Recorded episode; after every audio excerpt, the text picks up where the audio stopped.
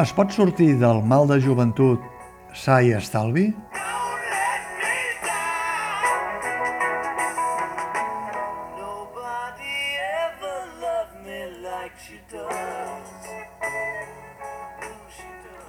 La primera proposta de Juan Carlos Martel Bayot, coincidint amb la seva etapa de director artístic del Teatre Lliure,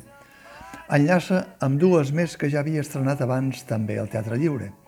Sis personatges, homenatge a Tomàs Giner, introspecció sobre el sense llar i Càsting Julieta, introspecció sobre dones soles entre la setantena i la vuitantena,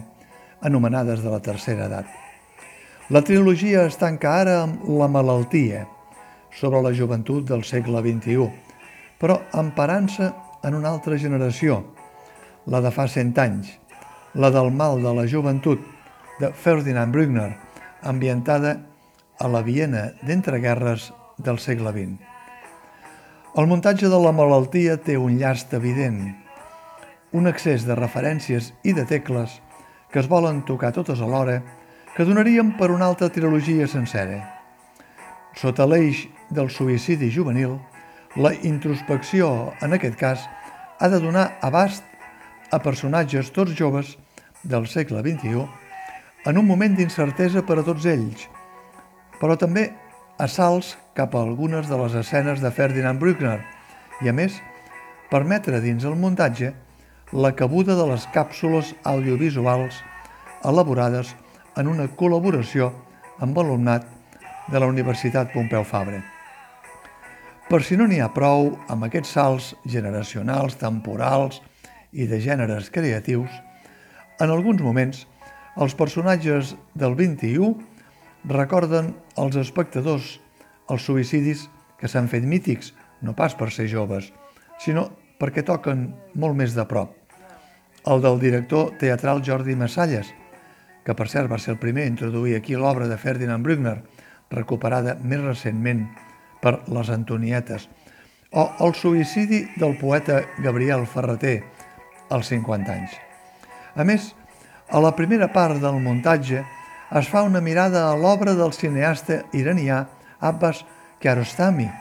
i el seu film més conegut, El gust de les cireres, mentre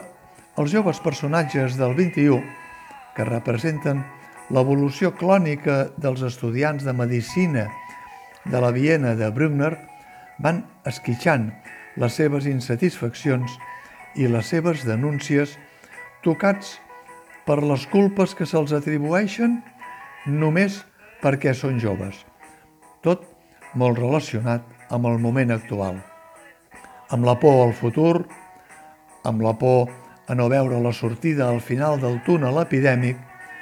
amb la por no tenir feina, amb la por no tenir casa, amb la por, en definitiva, a no tenir la vida que els havien promès, amb una única sortida, el suïcidi, la segona causa de mort, en realitat, entre els joves de 15 a 30 anys, que es compara amb un altre suïcidi fet a pessics, la malaltia del càsting davant la càmera i davant de jutges implacables que et miren per l'ull de l'objectiu o de la pantalleta digital. El director Juan Carlos Martel Bayot, amb la dramaturga Ingrid Guardiola, fan sobre aquesta invisibilitat una introspecció, no només generacional, enfocada en una determinada edat dels joves, la dels 20 als 30 anys, però també indirectament sobre el mateix àmbit en el qual es mouen, el teatre, el cinema, la interpretació.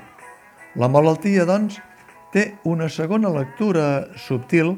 que és la fragilitat del món del teatre que s'ha fet encara més fràgil amb el cop de massa rebut per l'epidèmia del coronavirus. I tot plegat ho enregistra, com si fos un notari del temps, el personatge de la Desiré, interpretat per la polifacètica actriu i creadora Helena Martín, que es dedica a omplir càpsules de vídeo per deixar el testimoni de com és la joventut de la seva generació. Així com sis personatges i Càsting Julieta se centraven en una línia simple i neta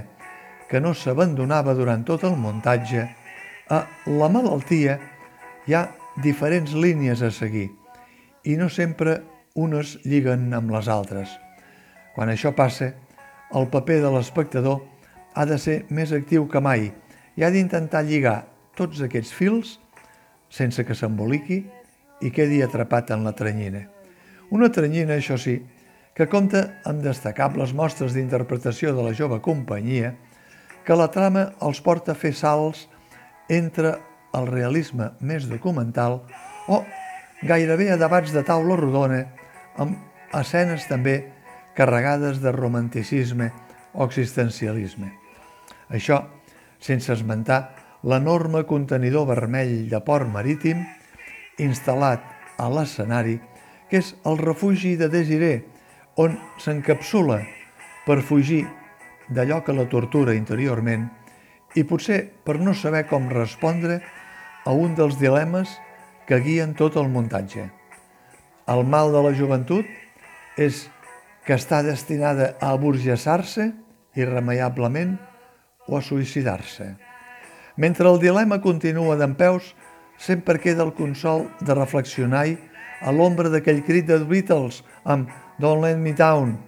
una de les peces que fan de banda sonora de la malaltia i que, mai més ben dit en els temps que corren, qui la canta, els seus mals espanta.